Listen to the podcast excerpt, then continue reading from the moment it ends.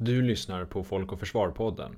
Folk och Försvar bidrar till att Sveriges säkerhet ska vara hela folkets angelägenhet.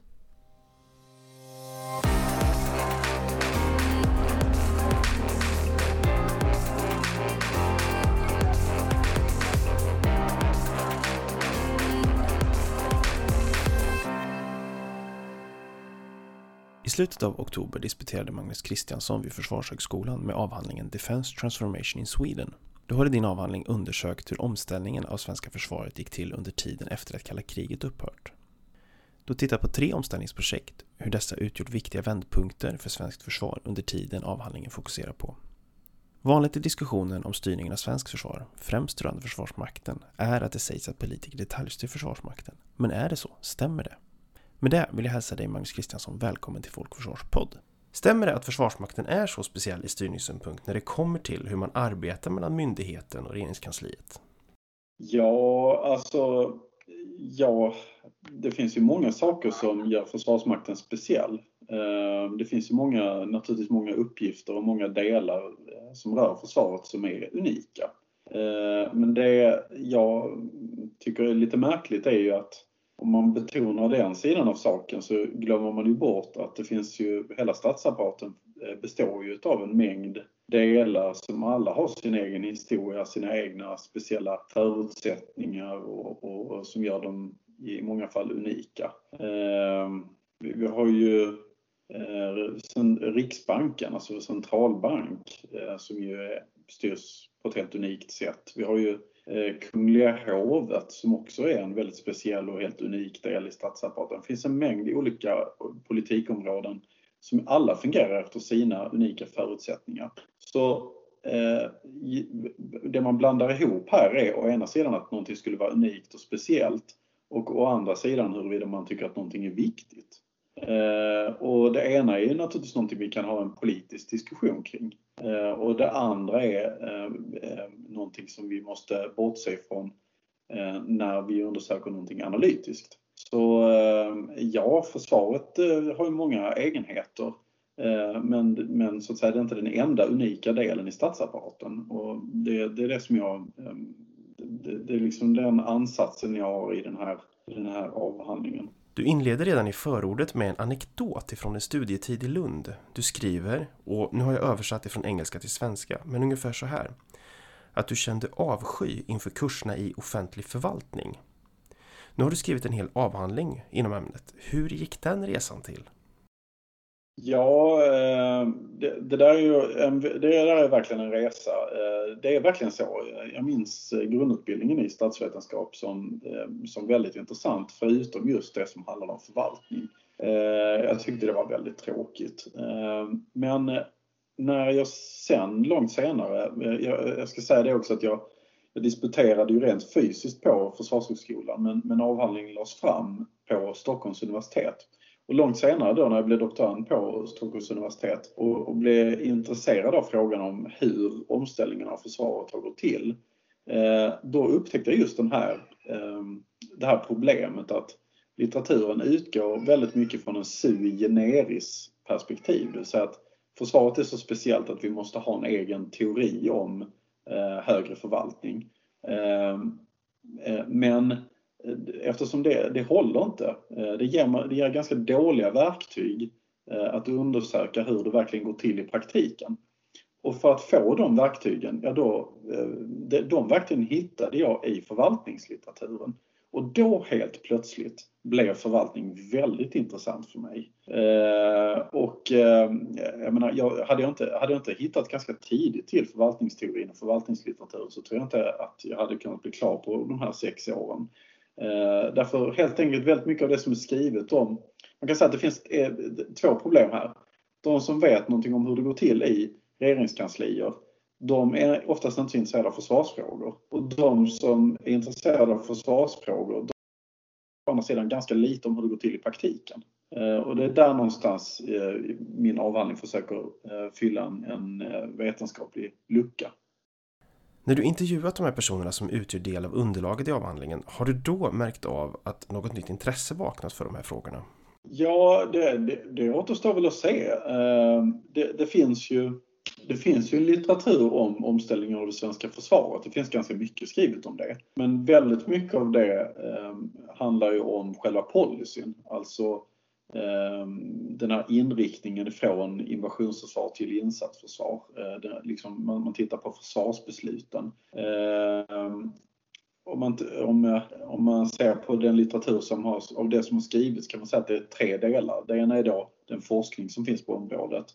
Ehm, främst då eh, Lena Halldén, eh, Håkan Edström och Wilhelm Agrell. Det är liksom forskningen om det här, omställningen av försvaret. Eh, den andra är alla de statliga utredningar som gjorts om försvarets styrning. Det är liksom, går tillbaka till 70-talet. Det finns, jag, tror att jag har fått med, med varenda en i avhandlingen. Det är liksom en ständigt återkommande sak att man tycker att det är ett problem att styra försvarssektorn från politisk sida. Så det finns väldigt mycket utredningar.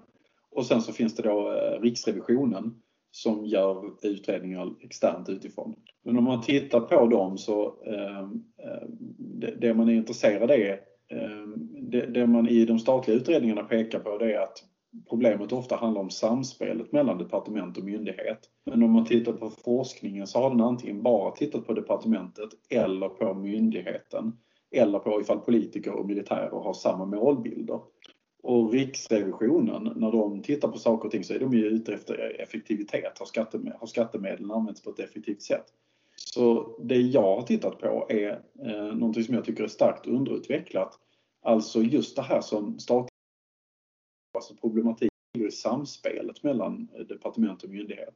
Så jag har varit intresserad av i den här processen, eh, i det här samspelet, har politikerna egentligen haft kontroll på omställningen av försvaret? Det är det jag har varit intresserad av och för att kunna svara på den frågan så måste jag då gå in och titta på hur går det till när man arbetar i den här miljön? Ehm, hur går det till i praktiken? Alltså inte bara policydokument, alltså där, då riksdagen klubbar en inriktning, eh, utan hur går faktiskt sen arbetet till? Men, men, men det återstår. Jag, jag tycker att det, det, det, här, det här är det liksom den, den den första som egentligen eh, första vetenskapliga avhandling som egentligen angriper det här problemet inom den här sektorn. Men jag hoppas ju naturligtvis att det här kommer att följas av, av fler som är intresserade av detta. För jag har ju naturligtvis inte kunnat täcka in allting som har hänt under de här åren. Du har byggt upp avhandlingen runt tre omställningsprojekt. Tre större projekt som skulle komma att få stora konsekvenser för Försvarsmaktens utveckling. Varför har du valt att bygga upp avhandlingen så som du har gjort?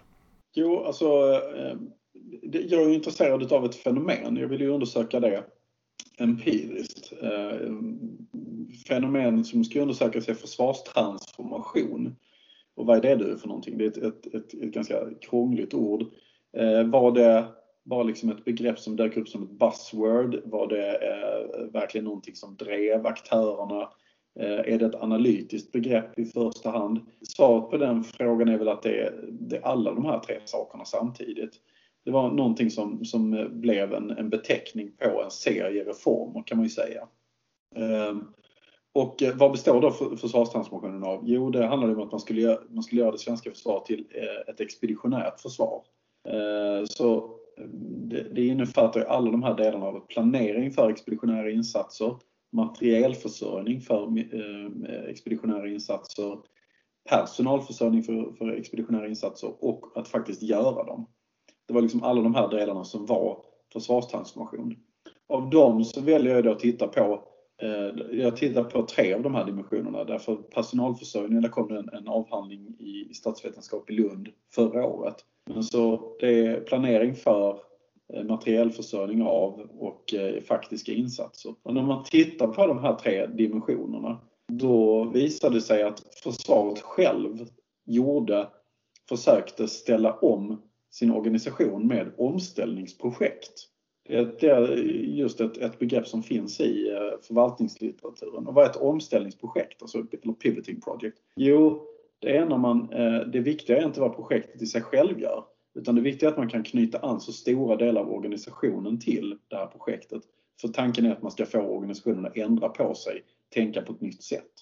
Så Nordic Battle Group var ju då en planeringsövning. Ju, man använde ju aldrig den här bataljonen. Eh, och kanske visste man någonstans längst in att, att, att det aldrig skulle bli så.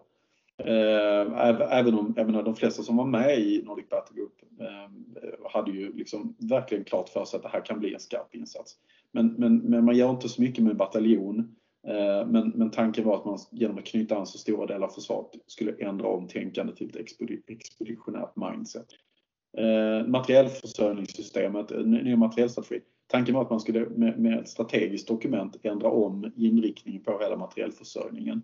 Och Afghanistan, ja det var dels var det en bekräftelse på den expeditionära doktrinen men dels var det också ett verktyg för att se till att man hade en organisation som då kunde Eh, ställa upp och vara relevant för en, eh, en, en uppgift eh, så som Afghanistan. Så de omställningsprojekt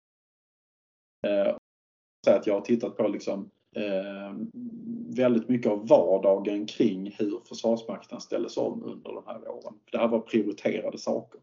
De tre omställningsprojekt du har valt är Nordic Battle Group, som var en del av den Europeiska unionens snabbinsatsstyrkor, materielförsörjningsstrategin och insatsen i Afghanistan. Varför valde du just de här tre omställningsprojekten? Ja, så eh, när det gäller eh, Nordic Battle Group så var ju det någonting som politikerna själva presenterade som eh, det stora omställningsprojektet under 2003-2004. Och det hade ju börjat inom Europeiska unionen. Eh, när det gäller eh, materiellstrategin så började det också 2001-2002 redan och sen så sköt fart eh, ordentligt 2004-2005. Eh, och det är också politikerna som, som eh, börjar med, med, att identifiera ett behov av en omställning utav materiell, materiellförsörjningssystemet. Och när det gäller Afghanistan, är det, väldigt mycket av, av förlåt, alltså när det gäller materiellsystemet, väldigt mycket av det är också, hänger också på att den svenska eh, materiell, alltså strukturen i Eh, systemet hade ju ändrats i och med att svenska företag hade blivit internationaliserade. Och Afghanistan, ja där var det ju NATO och, och ursprungligen amerikanerna som hade tagit klivet in i, i eh, Afghanistan, vilket då skapade, eh, satte press på och skapade möjligheter för en, en insats i Afghanistan. Så eh, det, det, det, man kan konstatera är att det här är ju liksom vad politikerna själva identifierar som de viktiga sakerna för omställningen. Så att det är ju liksom drivet av det empiriska fallet. Eh, det är där man lägger sin tid, det är där man lägger sina resurser. Eh, så eh, väldigt mycket handlar det om att detta var liksom de, de prioriterade delarna för att kunna ställa om det svenska försvaret. Om man tittar på materiellförsörjning som jag inte har med i avhandlingen så var ju den inte ett omställningsprojekt utan där kan man säga att där lät man ju värnplikten långsamt skrumpna ihop och så att man tog in färre och färre värnpliktiga under hela den här, hela den här perioden. Ehm, så den var ju inte ett omställningsprojekt. Ehm, men helt enkelt, det här var någonting som, som eh, politikerna valde. Eftersom man då, i, i fallet med Battlegroupen så var det ju EU, i materiellförsörjning så var det en internationalisering av försvarsmarknaden och i eh, Afghanistan var det NATO. Sverige hade liksom blivit internationaliserat, blivit inbäddad i de här systemen. Vilket gjorde att när det internationella samfundet i olika fora diskuterade de här lösningarna så blev det också en fråga för Stockholm och en fråga för Försvarsmakten eftersom politikerna ville vara med på det här.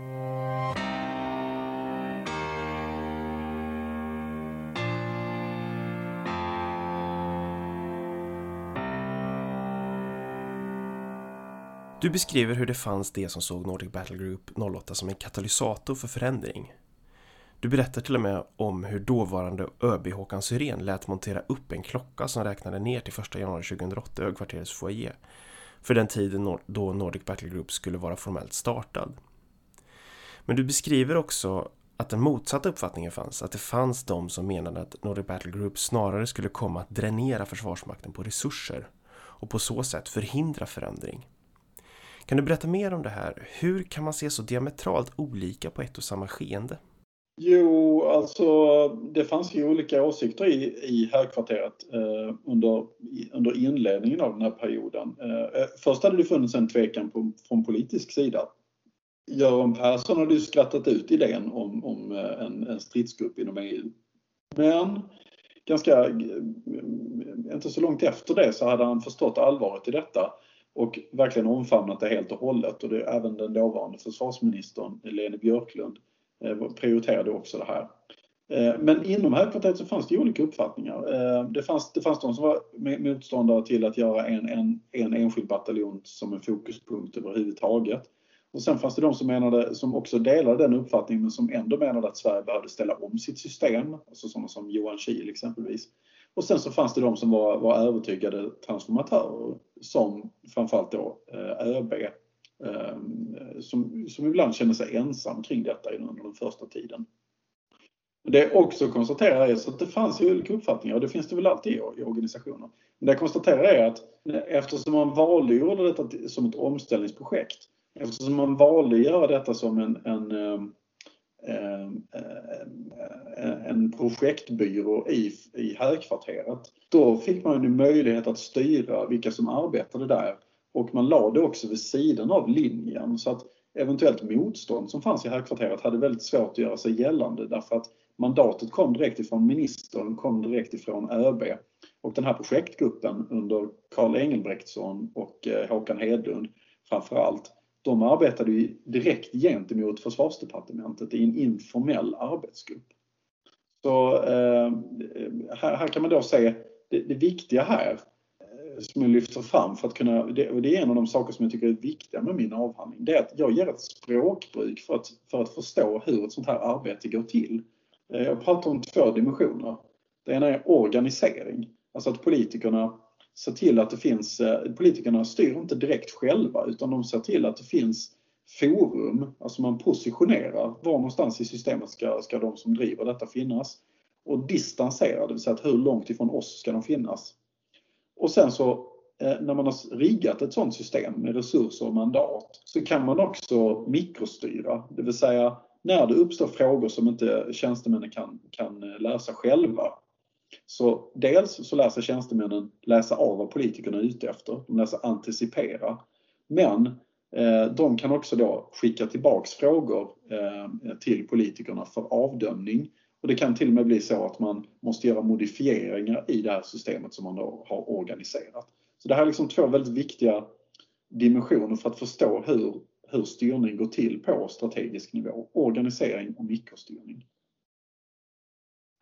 Eh, och det, och det, det, det där förekom, alltså, det där förekom ju väldigt mycket i Nordic Battle Group. Eh, så det visst, det fanns ett motstånd under den första tiden men sen när det här rullade på och det, det, det, det var ju, Karl Engelbrektsson berättade ju att det var en, två, tre gånger där han var tvungen att gå till ÖB för att verkligen understryka att han, att han hade det här mandatet för att det fanns motstånd. Eh, men, men det intressanta med detta var ju att Battlegroup-konceptet var inte färdigt. Det, var, det pågick ju i Bryssel, så det pågick liksom i, på internationell nivå. Och sen i och med att det inte var färdigt där så var det inte färdigt på departementsnivå heller. Och det innebär ju att Försvarsmakten hade inte någon färdig order att arbeta på utan man var ju faktiskt projektbyrå att eh, styra och ge input i den här processen. Det alltså var någon sorts parallellplanering. Och det ledde ju till att eh, Engelbrektsson fick ju en strategisk roll. Det vill säga att han fick kunna vara med på internationella möten. Han var med på det första mötet tillsammans med Finland eh, och eh, var med och drev utvecklingen. Så det var alltså inte så som man kan tänka sig i en militär organisation att först så avgör man saker i Bryssel, sen så avgör man saker i Stockholm och sen så får man då en order i högkvarteret som man ska genomföra. Så fungerar det inte alls. och skulle man arbetat så hierarkiskt så skulle man inte hunnit i tid till 2008. Så den här att vara invävd i EU som system, det sätter press på eh, rutinerna. Det sätter press på eh, jag menar, bara när man, när man införde, när man beslutade sig för att gå med i Nordic Battle Group så hade man precis lämnat in budgeten för det året. Bara en sån sak innebar ju att man var tvungen att arbeta om budgetunderlaget för att kunna få med Battlegroupen. Så de, de, de, tidslinjalerna i Sverige påverkades ju av att man hoppade på en tidslinjal som började snurra i, i, eh, i Bryssel. Så det, det, det är liksom en, en väldigt viktig slutsats här. Ska man kunna arbeta i ett system som är invävt i EU eller NATO eller i, i något annat internationellt sammanhang, då måste man också lära sig att spela det här spelet som officer på strategisk nivå. Eh, det är en väldigt, och det, det, det, det kräver just då ett antal, eh, en kunskap om vilka normer det är som gäller i regeringskansliet. Engelbrektsson berättar väldigt mycket att han, ja, men jag, jag hade jobbat här tidigare så jag kände de här människorna. Jag, jag visste hur det går till, hur, hur, man ska göra i gemensam beredning och så vidare. Så det här var en väldigt viktig kunskap för att kunna fungera som en framgångsrik entreprenör som jag kallar, eh, som jag kallar Engelbrektsson i avhandlingen. Du kommer också in på den märkliga situationen som dåvarande chefen för Nordic Battle Group 08 också berättar om i avhandlingen. Å ena sidan skriver de hur Sverige inte tillåter ministerstyre, alltså att respektive minister ingriper i det löpande myndighetsarbetet. Å andra sidan hur skapandet av Nordic Battle Group krävde mycket tät kontakt med försvarsdepartementet för att kunna åstadkomma stridsgruppen. Jag uppfattar det som att du menar att detta var en unik situation som ställde helt nya krav på alla inblandade parter. Kan du utveckla det här? Nej, alltså, minister, alltså att, att ha ministern engagerad och aktiv och med i projektet, det har absolut ingenting med ministerstyre att göra.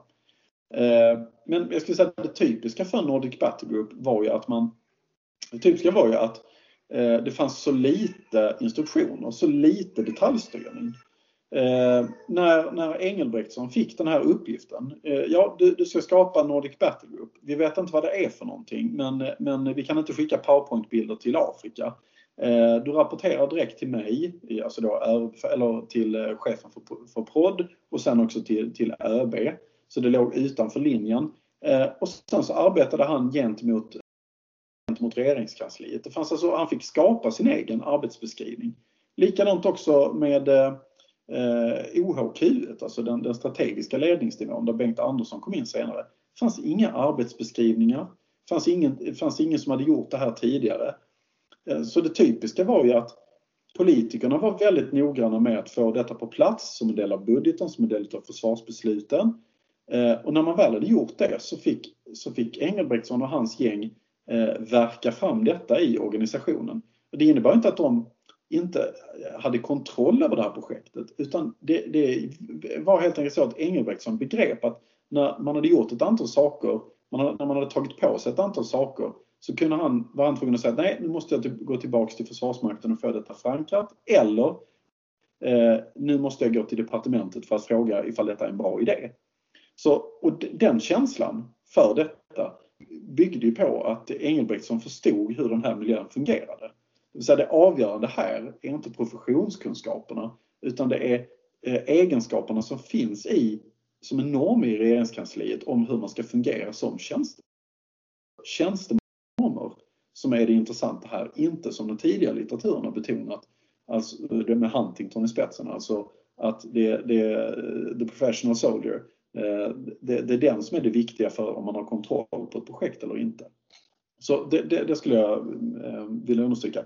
Det, där, det fann, där det uppstod friktioner i Nordic Battle Group berodde ju på att politikerna, och det är väldigt typiskt för politiker, politiker vet ju sällan riktigt vad de vet, vad, vad, alltså, hur de vill ha de här detaljerna. Eh, så att å ena sidan så säger de att ja, ni ska färdigställa Nordic Battle Group som vanligt. Eller det, ni ska färdigställa Nordic Battle Group, det ska vara färdigt till 1 januari 2008.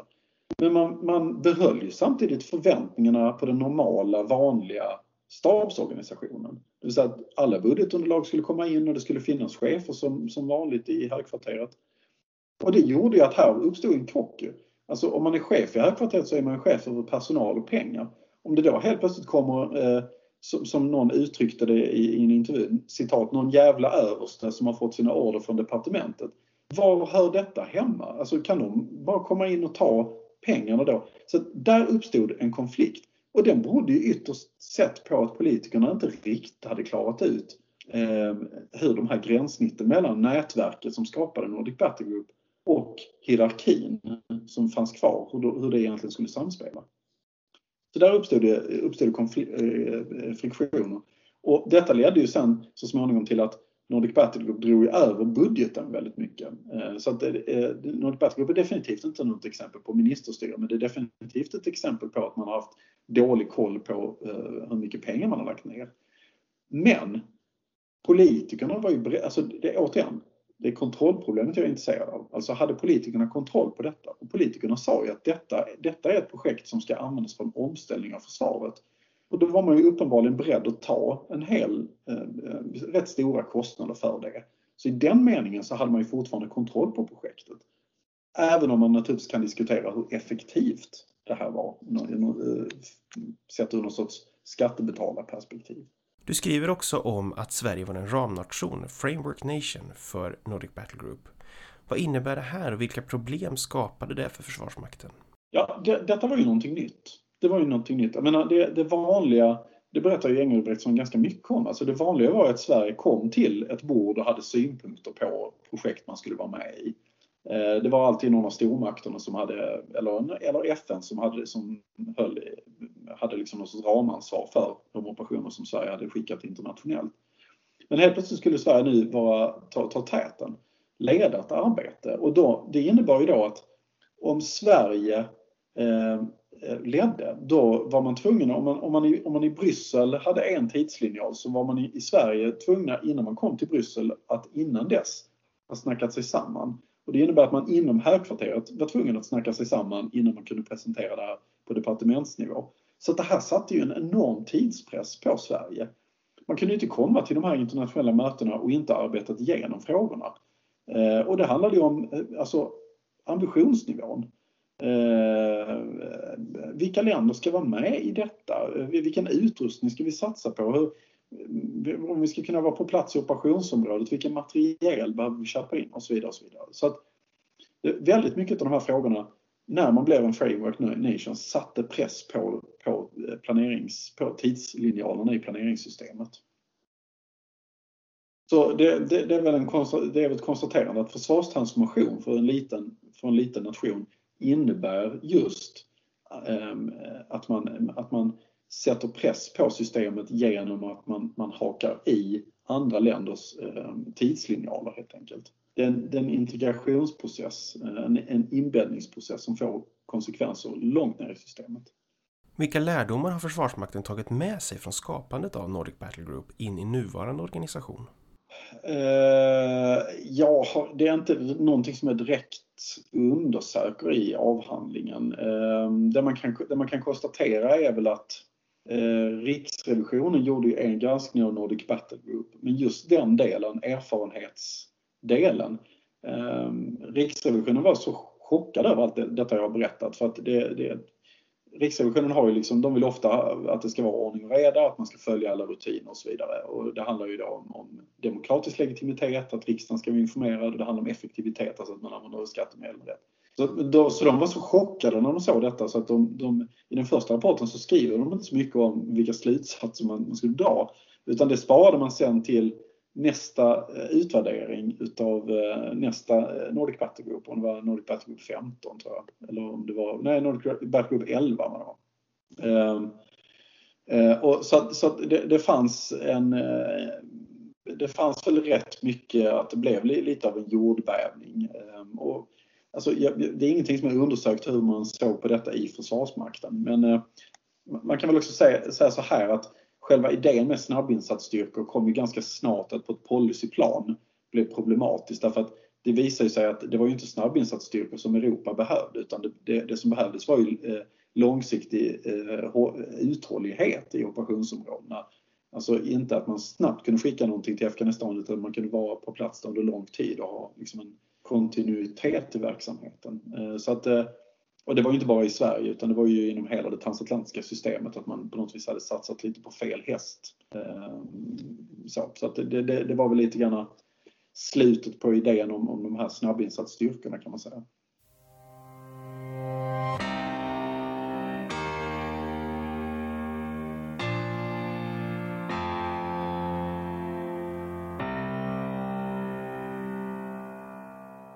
Materielanskaffning är det andra omställningsprojektet du har tittat på.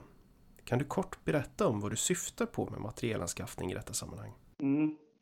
Ja precis, det är, det är, verkligen en snårskog det där. Eh, det tog mig också ganska lång tid att sätta mig in i materielfrågor. Eh, men, men jag använder ju det engelska begreppet eh, Defense Acquisition, alltså försvarsanskaffning Eh, och det är verkligen hela processen från ax till limpa, alltså verkligen från eh, idéerna på ett projekt till liksom skrotningen och avvecklingen av ett system. Eh, sen det begrepp som man ofta använder, procurement, alltså inköp, eh, det är då, då liksom en fas i det här. Eh, och det är kanske inte alltid som man använder sig utav eh, eh procurement, alltså inköp av färdig material utan det kan vara så att man använder istället, äh, att man går på ett, ett äh, utvecklingsprojekt. Det vill säga att industrin i landet eh, utvecklar någonting mer eller mindre från scratch. Så att det, det är det jag menar med för, eh, försvarsanskaffning, alltså hela processen. Och det var, det var detta som man då ville göra en översyn över hela den svenska strategin. Under det kalla kriget så hade, eh, jag menar, av neutralitetspolitiska skäl, eh, försörjningsskäl, så hade man ju byggt upp en väldigt stark inhemsk försvarsindustri. Men med dessa expeditionära operationer var det inte alltid att menar, beställningarna och de produkter som man hade för invasionsförsvaret var, var rätt utrustning för det man skulle ut och göra internationellt. Så därför så växte ju då commercial off the shelf och military off the shelf, alltså kots och MOTS. De växte ju fram som då ledord för en ny strategi. Det skulle bli mer flexibelt, det skulle bli mer effektivt. Man ville också att eh, man ville renodla rollerna mellan Försvarsmakten och Försvarets materielverk. Men man ville samtidigt också att man skulle samverka mycket, mycket närmare mellan de här två myndigheterna så att det inte skulle bli några friktioner i beställningarna. Alltså, Försvarsmakten skulle vara tydlig beställare och eh, FMV skulle då vara tydlig upphandlare utav de här materielsystemen. Men man ville ändå ha en väldigt nära koppling mellan de här, mellan de här myndigheterna. Så att det, var, och, det, det intressanta är ju då att, och det gäller för övrigt alla de här omställningsprojekten, de, det fanns ju ingen eh, partipolitisk skillnad. Utan det här var ju liksom någonting som både eh, Socialdemokraterna och de borgerliga eh, drev. Så. Men men om, om, det, om det fanns någonting här som, som skilde sig lite så var det ju att de borgerliga partierna såg Socialdemokraterna väldigt mycket som försvarare av det gamla traditionella industristödet. Så eh, väldigt mycket av den ursprungliga idén om en ny materiellstrategi den, den kom under socialdemokratiska regeringen. Men det var ju den borgerliga regeringen eh, under Reinfeldt som vi verkligen kom att sjösätta den och försöka, försöka ta tag och göra någonting i den. Idag när materielanskaffning diskuteras är det vanligt att höra att framförallt små länder behöver ha vissa löpande utgifter för materielutveckling i syfte att kunna vidmakthålla kompetens inom till exempel utveckling av luftstridssystem. Fanns det några sådana tankar under transformeringstiden då man gick mot allt fler system skulle köpas off the shelf? Ja, alltså det som, det, det, som hände var ju att man fick en internationalisering av hela sektorn. Alltså att eh, företagen eh, köptes upp av, av, brittiska, amerikanska och tyska företag. Eh, så, så i den meningen så fanns det en internationalisering. Sen den här, den här strategin, eh, ny materielstrategin, den handlade ju om att man eh, det kallas, ledordet här var iterativ kravanpassning. Alltså att man, eh, det handlar inte om att man skulle sluta beställa från Sverige utan man, man, skulle inte göra det reflexmässigt. Man skulle inte göra det för att bara understödja industrin utan man skulle ställa sig frågan, kan vi, finns, finns det någonting i, i, i våra lador som vi kan använda? Om, man, om det inte fanns så skulle man gå och, och ställa sig frågan, eh, kan vi utveckla detta tillsammans med någon, någon annan? Eh, tre, eh, eller två, kan vi köpa detta tillsammans med någon annan? Tre, kan vi utveckla detta tillsammans med någon annan? Och sen först i sista hand så skulle man ju då ta eh, och fundera på om man, om man skulle beställa detta från industrin. Så tanken var liksom att man inte skulle börja med att beställa från industrin för att då började man liksom i fel ände utan man skulle börja med eh, anpassat efter de krav på, på Försvarsmaktens system som man hade kopplat till internationell tjänst. Snarare än att börja med det som man hade i, eh, i produktionslinjerna. Eh, och det, det, här var väldigt viktigt för, för att omställningen av försvaret skulle snabbas på. Eh, så det här hade liksom en väldigt, eh, eh jag menar, effektivisering var eh, eh, ett ledord. Men den här effektiviseringen skulle ju också leda till att man snabbare kom till det här expeditionära försvaret. Så att på det viset var det verkligen ett, ett omställningsprojekt. Men nej, det fanns inte några fördes inte några eh, diskussioner om försörjningssäkerhet eller liknande under de här åren. Eller att det fanns något automatiskt, eller eh, åtminstone inte på något tydligt sätt att det fanns något automatiskt värde av att ha en svensk försvarsindustri. Sen kan man också säga att eh, kom den här strategin att tillämpas fullt ut? Nej, det gjorde den naturligtvis inte utan det finns många exempel på där man gick tillbaks till, det, till, till instinktsbeteendet från politisk sida och Eh, från, från politisk sida kan man ta initiativ till de här stora materielinköpen själv. Och det gjorde man ju ofta. Så att eh, i, i den meningen så det fanns vissa, det fanns vissa projekt som fick stryka på foten, till exempel SEPen, alltså den här eh, arméns enhetsplattform för stridsfordon. Den fick stryka på foten. Det är ett typiskt sådant exempel som där, där man gick på strategin snarare än på industristöd. Eh, men det fann, finns också många exempel under den här tiden där, där man liksom frångick de här mer marknadsprinciperna. Du nämner också en bok som användes av Försvarsmakten som behandlade ämnet Change from within an organization i syfte att omstöpa organisationen. Avsnittet i avhandlingen fick mig att undra var man ute på okänt vatten? Var försvarstransformationen en förändring där man hoppades men inte visste vad utfallet skulle bli? Ja, alltså precis. Alltså alla, alla de här omställningsprojekten var ju, var ju att man var ute på, på eh, jungfrulig mark. Alltså man gjorde ju saker som man aldrig hade gjort förut egentligen. Eh, och det, den, det du refererar till här var en, en eh, en eh, företagsekonom som heter John P. Cotter. Som, eh, det fanns, man skapade någonting i högkvarteret som hette Transformationskontoret och de kom bland annat att hålla på med materiellfrågor. Eh, man ville ha snabbspår. Man tyckte det tog alldeles för lång tid för att utveckla eh, projekten. Det fanns en snitttid på medelstora projekt på 16 år. Och det, man ville liksom verkligen korta ner detta. Eh, och då, då använde man, och det här transformationskontoret, det var konsulter. Det leddes av en militär chef men det var privata konsulter. Ett typexempel på någonting sånt där som liksom inte finns med i civmil-litteraturen. Eh, men som finns, det finns många exempel på och väldigt mycket teoretiserande kring detta inom, för, inom eh, förvaltningslitteraturen. Men jo, men de här konsulterna, det de hade med sig var ju en filosofi om hur organisationer förändras. Den hämtades ifrån John P. Cotter. Eh, och John P. Cotters filosofi bygger på att genom att sätta press på organisationen så får man också människor att tänka på ett nytt sätt. Det var så man skulle förändra. Eh, så genom att eh, på olika sätt eh, sätta, sätta kontinuerligt, transformationskontorets verkliga uppgift var att sätta press på etablerade rutiner. Så en sak man gjorde var att man intervjuade personer i Försvarsmakten och, som, och de var naturligtvis utvalda för att då för att det, det var, inte var gamla bakåtsträvare utan det var personer som förstod idén med insatsförsvaret.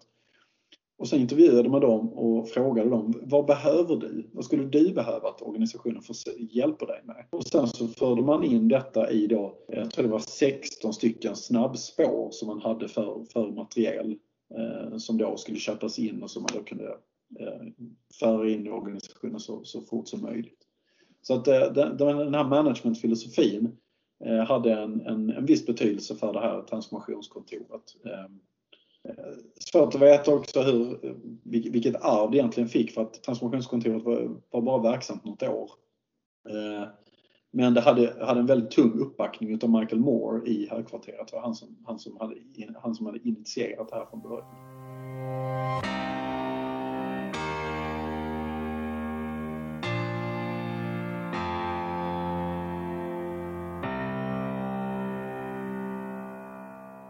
Det tredje och sista omställningsprojektet du tar upp är Sveriges bidrag till insatsen i Afghanistan efter 11 september 2001.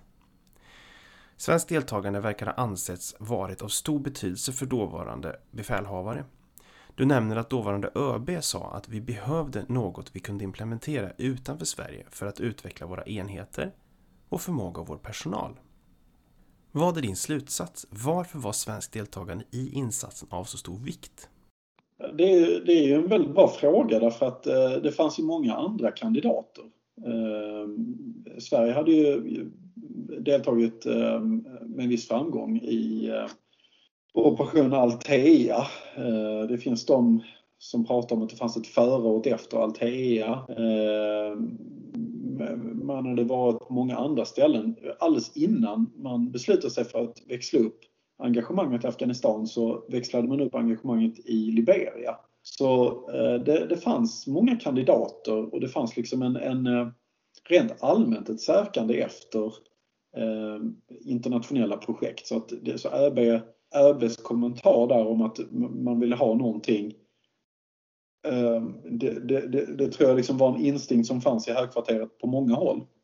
Jag, jag tror att det blev Afghanistan av flera skäl. Dels därför att Eh, efter 2003 så eh, fick NATO ett mycket tydligare, mycket tydligare roll i Afghanistan. Tidigare så hade det här varit väldigt mycket en amerikansk show med, med brittiskt understöd. Men efter 2003 så, så fick, eller under 2003 så fick NATO en mycket tydligare roll. Och för NATO så blev detta också väldigt mycket en identitetsfråga.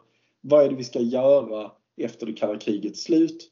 Här har vi en uppgift. Eh, man sökte eh, en tydligare, ett tydligare komplement till eh, den amerikanska insatsen. Så att den här idén med Provincial Reconstruction Teams, PRT, NATO behöver en tydligare roll samtidigt som Sverige också behöver en tydligare konkret roll och där man också kan då ha en insats som är lite större. Alltså, många av de här insatserna som Sverige gjort tidigare, eh, visst man hade valt på Balkan tidigare i större format. Eh, men, men eh, Balkan hade ju skruvats ner i betydelse och här hade man då en, en ny insats. Många av de andra, andra Afrika-insatserna hade varit ganska små så det här blev liksom ett sätt att kunna hitta ett, en, en lite större fokuspunkt. Att kunna hitta en ett projekt som, hade, som, som var viktigt både för att förklara internationaliseringen och transformationen men också använda som ett verktyg för den internt. Det vill säga att vi behöver ha styrkor som kan delta aktivt i Afghanistan. Ehm, det gjorde sammantaget att eh, Afghanistan blev, det fanns, det fanns många skäl, många politiska skäl till varför Sverige fanns i Afghanistan. Men, för, men en av dem var just det här som ÖB säger, alltså att man, man använder detta som en transformationsmotor, som ett verktyg för att ställa om eh, Sveriges militära förmåga. Du lägger ut orden om vad man skulle kunna översätta till normer för autonomi, Hands of Undirected Autonomy. Du skriver om detta och hur det spelat en roll inom de tre olika omställningsprojekten. Men skulle du kunna ge oss en sammanfattande bild över detta och hur det har påverkat insatsen i Afghanistan? Ja, alltså eh, man kan ju säga att eh, det är lite ironiskt därför att eh, när eh, väldigt många av de kontinentschefer som Sverige hade i Afghanistan efterlyste ju hela tiden tydligare riktlinjer för hur den civilmilitära samverkan skulle gå till. Alltså, militärerna ville ju, eh, ville ju att det skulle komma igång utvecklingsprojekt på plats i Mazar. Eh, Medan man i Stockholm eh, hade respekt för att den svenska definitionen utav, utav bistånd handlade om att eh, Sida ju inte centralstyr sitt, sitt eh, bistånd eller pekar ut var den ska vara någonstans utan man arbetar med de lokala organisationerna. Så det fanns en, en, eh, en, en, eh, en mismatch här mellan kraven ifrån överstarna på plats i Afghanistan och bristen på samordning och eh, då strategisk samordning i, i Stockholm. Eh, så det, det, det, som hände var ju att politikerna gjorde som man så ofta gör, alltså att man hade en, man, man arbetade hands-off, alltså man, man eh, hade allmänna politiska inriktningar, alltså bidrag till demokrati, bidrag till den internationella insatsen, FN-mandatet, eh, flickors skolgång och så vidare. Och så vidare. Det fanns liksom en hel provkarta med olika motiv. Men man gick aldrig in och eh, eh faktiskt styrde personal och resurser i Stockholm som man kunde använda det på plats i, i, i Massad. Den samordningen kom egentligen aldrig till. Så man, man släppte det här hands-off. Och i vanliga fall så leder det till att tjänstemännen de begriper vad politikerna är ute efter och de, det, det är så tjänstemännen som driver detta i en samordning. Främst. Men eftersom det fanns så många olika målsättningar så var det väldigt svårt för tjänstemännen i Stockholm att egentligen vara de här entreprenörerna. Man, man, man, man hade liksom en handlingsfrihet, man gjorde koordineringar men man kunde aldrig göra som, som Engelbrektsson, vara entreprenör fullt ut eftersom eh, det fanns olika målsättningar och olika målsättningar som ledde till olika prioriteringar. Så därför så ledde Afghanistaninsatsen väldigt mycket i, i, i regeringskansliet till eh, ändlösa koordineringsmöten Eh, man bytte information och det hade ju ett visst värde naturligtvis.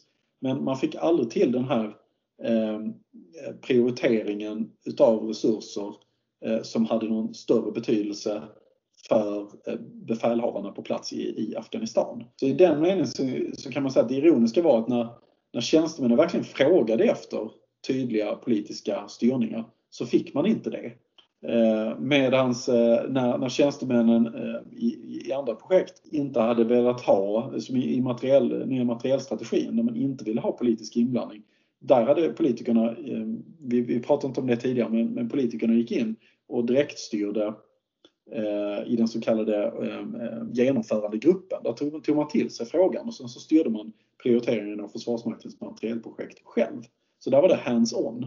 Eh, så det, det är ju ganska ironiskt att när tjänstemännen verkligen ville ha prioriteringar, man skrek efter det i Afghanistan och man ville ha tydliga prioriteringar också i Stockholm. Då fanns det ganska lite av det.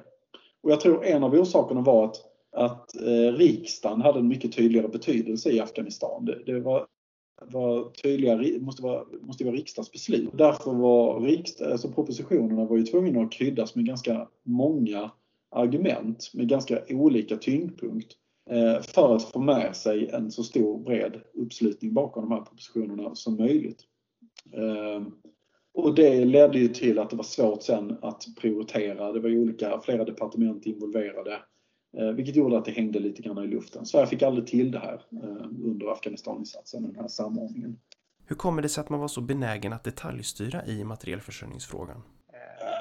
Jag ska säga det att det, det, det allra mest det gäller nya materiellstrategi. Det allra mesta där eh, var också hands-off. Men det finns ett exempel och det, det, det, börjar 2007 i Almedalen när Anders Borg håller tal där han eh, går ut och säger att man ska spara eh, eh ungefär 10% på försvarsbudgeten. Och det här är överhuvudtaget inte alls koordinerat inom regeringen och det är definitivt inte eh, koordinerat med Försvarsmakten. Och sen, sen eh, nästa steg i den, den historien blir att under hösten, och det, de, det mesta av de här pengarna ska hämtas ifrån från eh, försvarsbudget, eller från materiellbudgeten. Eh, under hösten så tillsätter då, eh, så leder statssekreteraren i försvarsdepartementet en politikergrupp. Det finns både riksdagsledamöter och två stycken statssekreterare från, från finansen och från försvarsdepartementet. Och de leder en politisk grupp som själva med väldigt, väldigt lite underlag från Försvarsmakten pekar ut vilka system som ska ner på och vilka system som ska släppas helt. Eh, och det är den så kallade genomförandegruppen. De, de eh, verkade ungefär ett halvår eh, under 2008. Så det är ett exempel på ett ganska sällsynt exempel på hands-on, alltså där politikerna själva kliver in, tar, tar åt sig frågan, Eh, och fattar beslut om prioriteringar i myndigheterna. Eh, Medan väldigt mycket annat i, i nya materiellstrategin handlade om att man, man lät eh, tjänstemännen långt ner i myndigheten göra detta. Ehm, det är alltså myndigheten som plockar fram strategin. Ehm, eller man, man börjar med ett strategiskt dokument på departementet och sen eh, arbetar högkvarteret ganska självständigt med avrapporteringar till, till ehm, till regeringskansliet.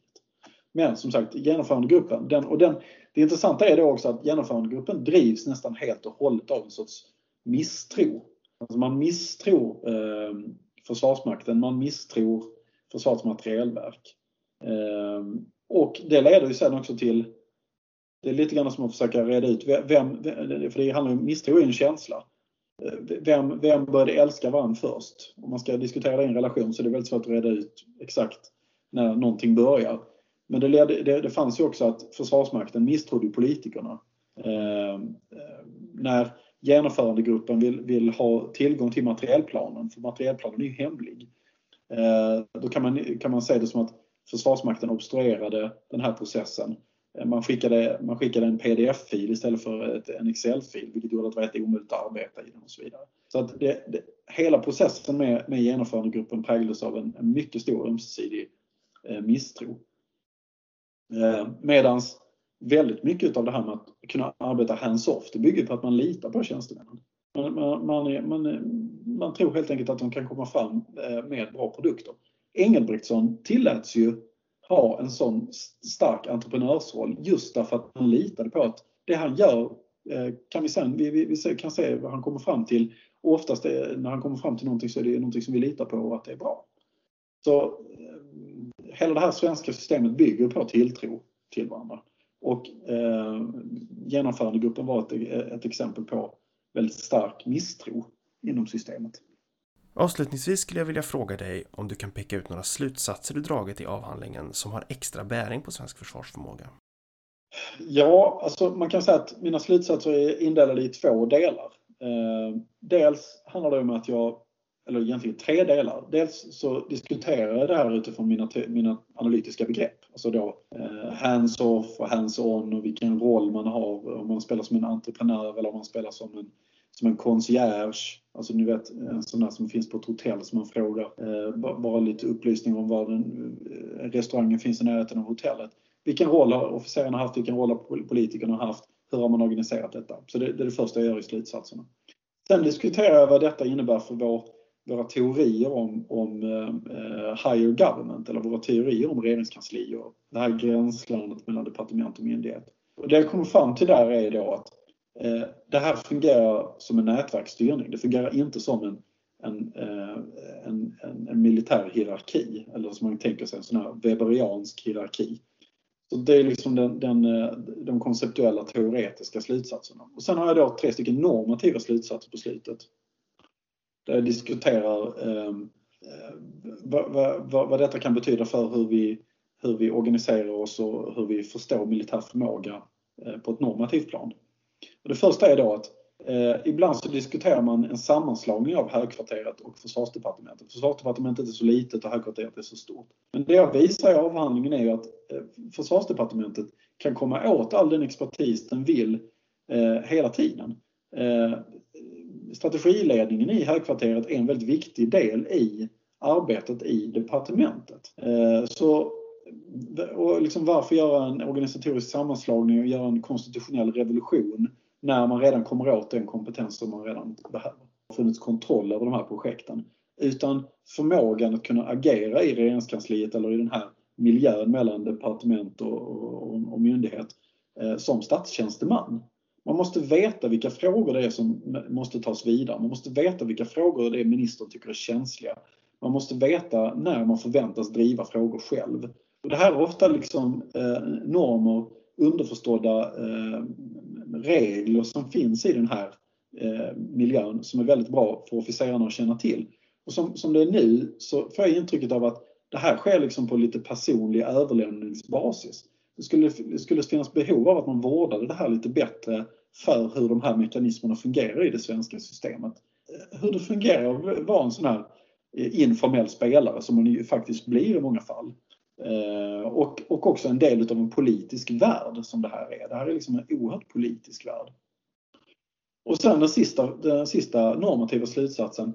Det handlar ju om eh, kan vi i Sverige verkligen ha det som man kallar för grand strategy? Alltså, jag vet inte hur många utredningar som har kommit fram till att Sverige måste ha eh, statssekreterargrupper som styr. Vi måste ha det här forumet som som kan ta tag och samordna om det skulle bli kris. Vi måste ha liksom ett krissamordningskansli och det måste finnas direktorn och statsministern och vi måste samla statssekreterarna. De måste kunna göra prioriteringar av budget och de måste kunna snabbt fatta beslut och göra prioriteringar.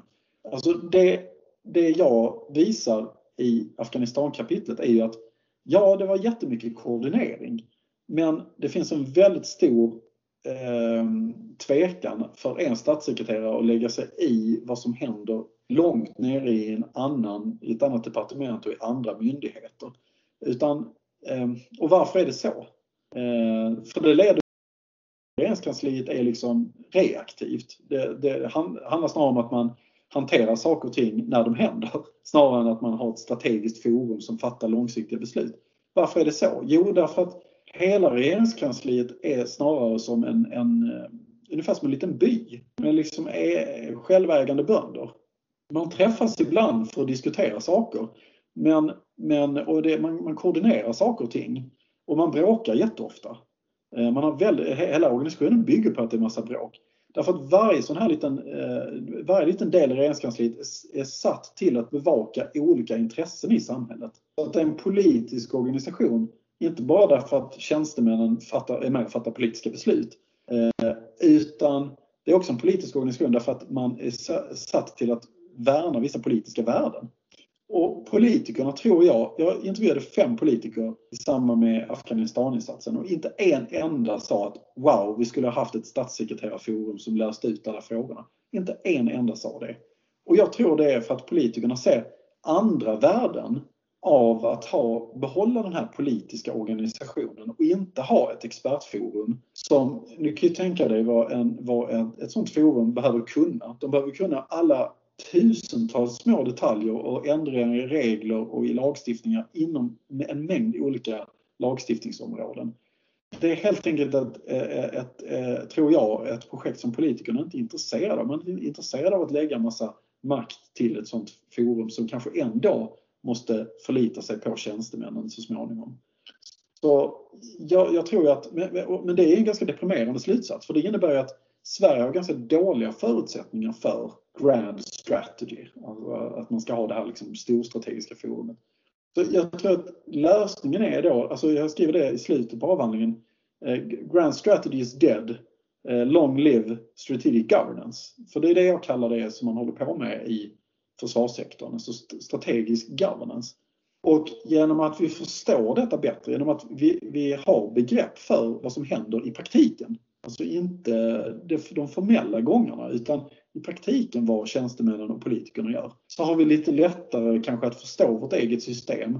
Vilket också gör kanske att det, att det blir lättare att koordinera om vi hamnar i en krissituation. Och jag tror att det, det är liksom snarare vägen framåt än att drömma om en stor konstitutionell revolution. För det, det är i praktiken vad som skulle innebära eh, om man ska ha sånt här Grand Strategy Forum. Med det får jag tacka dig Magnus Kristiansson för att du tog dig tiden att vara med i Folk och Försvars podd. Du har lyssnat på Folk och Försvar-podden. Podden är skapad av David Brun. För att ta del av mer av vår verksamhet besök vår hemsida www.folkochforsvar.se